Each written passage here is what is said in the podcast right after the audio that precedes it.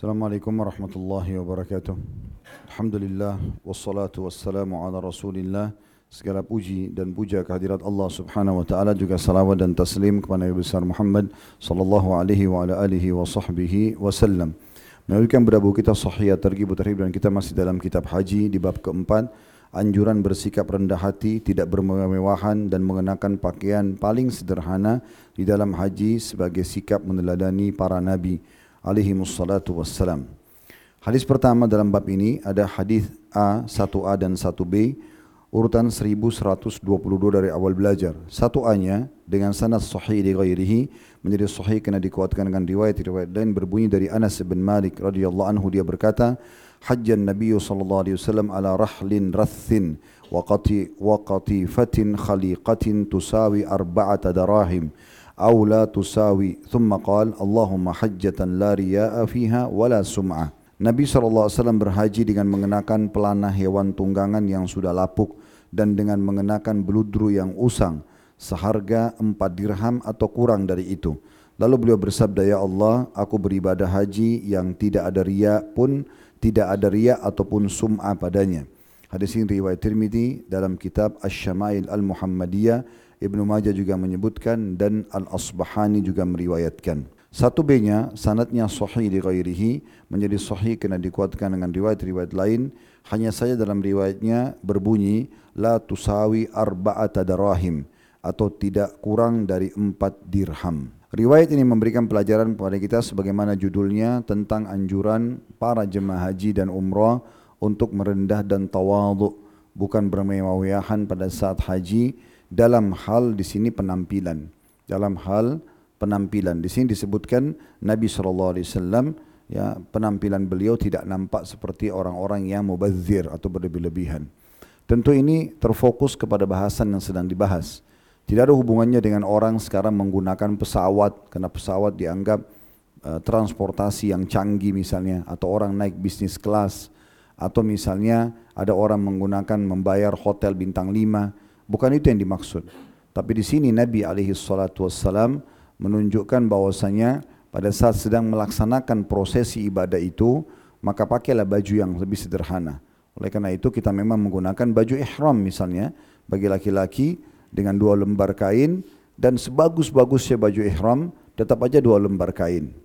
Begitu juga dengan akhwatnya menggunakan baju-baju yang jauh dari penampilan-penampilan yang menunjukkan kemewahan misalnya dalam arti kata di sini berlebihan atau misalnya dia pakaiannya pakaian syuhrah, pakaian yang bisa menarik perhatian orang dengan warna yang terlalu menyolok misalnya atau gemerlap gemerlip di sana sini maka ini semua dihindari. Kemudian yang kedua yang bisa diambil dari riwayat ini adalah bagaimana inti daripada yang diinginkan Nabi SAW dengan penampilan beliau tadi misalnya pelanah beliau adalah sudah kayu yang untuk naik ke atas uh, unta itu yang diingat-injak dengan kaki adalah kayu yang sudah tua. Begitu juga uh, yang ditaruh di punggung unta beliau adalah bludru juga. Di sini dikatakan bludru yang sudah usang ya.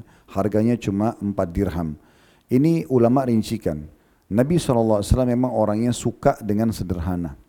Sehingga beliau pun menarik itu dalam semua lini kehidupan beliau.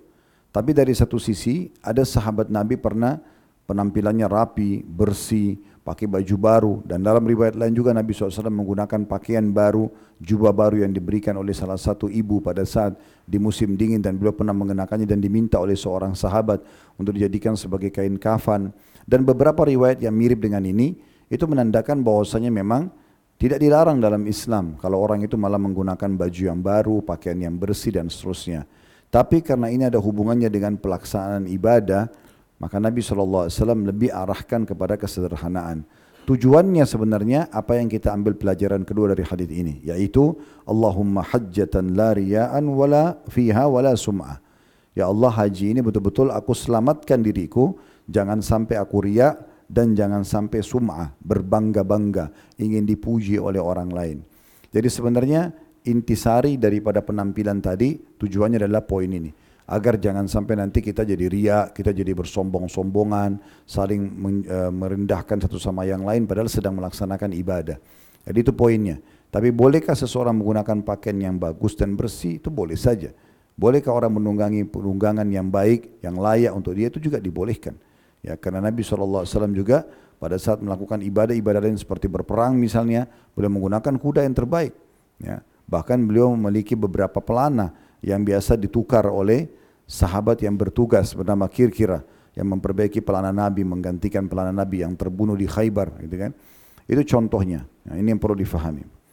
Kemudian selanjutnya hadis nomor dua dengan sanad sahih di ghairihi menjadi sahih karena dikuatkan dengan riwayat-riwayat lain urutan 1123 diriwayatkan pula ada Tabarani dalam Mu'jamul Awsat dalam dari sumber hadis Ibnu Abbas radhiyallahu anhuma dengan istilah al-qatifah atau bludru diganti dengan kain yang berbulu tipis. Maksudnya bisa saja yang ditaruh di pelana Nabi adalah kain bludru atau kain tipis untuk melapisi tempat duduk beliau di punggung hewan tunggangannya. Hadis ketiga dengan sanad sahih urutan 1124 dari awal belajar berbunyi dari Thumamah radhiyallahu anhu dia berkata, "Hajja Anasun ala rahlin wa lam yakun shahihan wa haddath أن النبي صلى الله عليه وحدث أن النبي صلى الله عليه وسلم حج على رحل وكانت زاملته Anas pernah berhaji di atas pelana dan ia bukanlah seseorang yang pelit dan dia menuturkan bahwa Nabi SAW berangkat haji duduk di atas pelana untanya dan ia merupakan hewan tunggangannya. Hadis ini riwayat Bukhari. Riwayat ini memberikan gambaran kepada kita. Yang pertama adalah bagaimana para sahabat meneladani Nabi SAW dalam segala hal. Termasuk di sini bagaimana Anas meneladani jenis hewan yang dipakai oleh Nabi SAW, tepatnya unta pada saat itu, dan juga meneladani pelana yang Nabi SAW pernah laku atau tunggang atau letakkan di atas punggungnya. Apakah jenis kainnya, apakah jenis pelananya, maka beliau karena ingin mencontohi Nabi alaihi salatu wasallam dan itu memang tugas setiap muslim bagaimana mereka menciplak hidup Nabi alaihi salatu wasallam bahkan Abdullah bin Umar radhiyallahu anhu pernah memberhentikan kafilah haji 70 sekian kafilah hanya untuk menunjukkan beliau pernah mampir. Beliau suruh berhenti lalu beliau jalan di tempat yang cukup jauh di padang pasir lalu beliau buang air kecil di sana lalu beliau kembali lagi. Lalu ditanya oleh Ka'ab pada saat itu radhiyallahu anhu wahai Abdullah bin Umar semoga Allah merahmati anda. Apakah anda memberhentikan kami semua hanya untuk menyaksikan anda kencing di bawah pohon yang jauh sana? Kata Abdullah bin Umar, iya karena saya ingin menyampaikan kepada kalian pada saat saya sedang haji bersama Nabi SAW, beliau pernah berhenti di sini, beliau pernah kencing di situ. Jadi begitu ta'assi namanya atau bagaimana mencontohi Nabi SAW selama Nabi kerjakan maka mereka berlumba-lumba untuk mencontohinya. Kemudian pelajaran yang kedua adalah yang bisa diambil bagaimana di Anas bin Malik uh, atau ya Anas bin Malik menggambarkan kalau Nabi SAW memang menggunakan hewan tunggangannya unta pada saat haji. Hanya informasi. Apakah setiap muslim harus pakai unta? Jawabannya tidak. Tapi di sini Nabi SAW digambarkan memang menunggangi unta pada saat sedang haji. Dan sering kali dalam beberapa riwayat pada saat beliau tawaf, beliau tawaf di atas untanya. Karena dianggap unta pada saat itu hewan yang paling layak ditunggangi untuk jarak jauh. Unta itu hewan yang sangat sabar. Walaupun jalan jauh, ya, maka dia bisa bersabar. Cukup jauh jaraknya baru minum, misalnya baru makan, baru istirahat. Dia bisa tahan. Dan sudah kita tahu salah satu yang Allah suruh kita renungi dalam Al-Quran, wa idal ibidi kaifa khuliqat dan lihatlah kepada unta bagaimana dia diciptakan. Saya pernah pelajari dengan beberapa guru kami dulu, apa saja keajaiban unta itu. Cukup banyak disebutkan, di antaranya bibirnya terpecah unta itu sehingga dia bisa mengunyah uh, makanan-makanan berduri yang ada di padang pasir tanpa merobek bibirnya. Jadi kalau dilihat dari dekat mulut unta itu di bagian tengah bibir atasnya itu terbelah. Kemudian unta memiliki dua kelopak mata, yang kelopak mata bagian dalam itu transparan, kelopak mata luar yang kulit seperti kita. Di saat lagi ada debu yang uh, kuat, membawa angin yang kuat, membawa debu yang banyak di padang pasir, dia menurunkan kelopak mata yang transparan itu sehingga tidak merusak matanya. Dan salah satu yang ajaib adalah di dalam perut unta itu ada sebuah kantong yang bisa menampung air sekian banyak. Jadi unta kalau minum, dia minum tidak berhenti sampai kantong itu penuh baru dia berhenti. Makanya Nabi SAW mengatakan jangan kalian minum seperti unta. Kita disuruh minum berhenti, minum berhenti. Kalau unta tidak sampai kantong itu penuh. Nah kantong ini subhanallah tidak tidak tercampur baur dengan kotoran unta atau yang lainnya. Sehingga unta itu kalau jalan bisa tiga hari tiga malam dia nggak minum, nggak makan.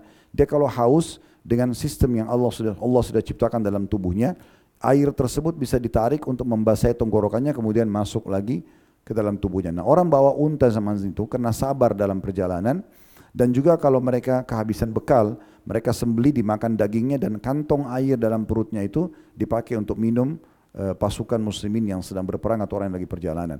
Jadi itu alasan kenapa orang banyak menunggangi unta di masa itu. Nah di sini adalah informasi dari Anas kalau Nabi SAW tunggangannya dulu unta. Bukan berarti, ini sekedar informasi, bukan berarti si muslim harusnya pakai unta. Anas bin Malik mencontohi Nabi SAW pakai unta karena di masa Anas bin Malik memang belum ada mobil, belum ada pesawat. Jadi ini informasi yang disampaikan dan orang boleh pakai kendaraan apa saja selama halal menuju melaksanakan ibadah yang mulia ini. Allahu alam. Ini bahasan kita insya Allah ada kita sudah bacakan kurang lebih tiga buah riwayat. Kedepannya kita akan lanjutkan hadis nomor empat masih dalam bab yang sama. Semoga bermanfaat. Subhanakallahumma bihamdika. Asyhadu an la ilaha illa anta astaghfiruka wa atubu ilaik. Assalamualaikum warahmatullahi wabarakatuh.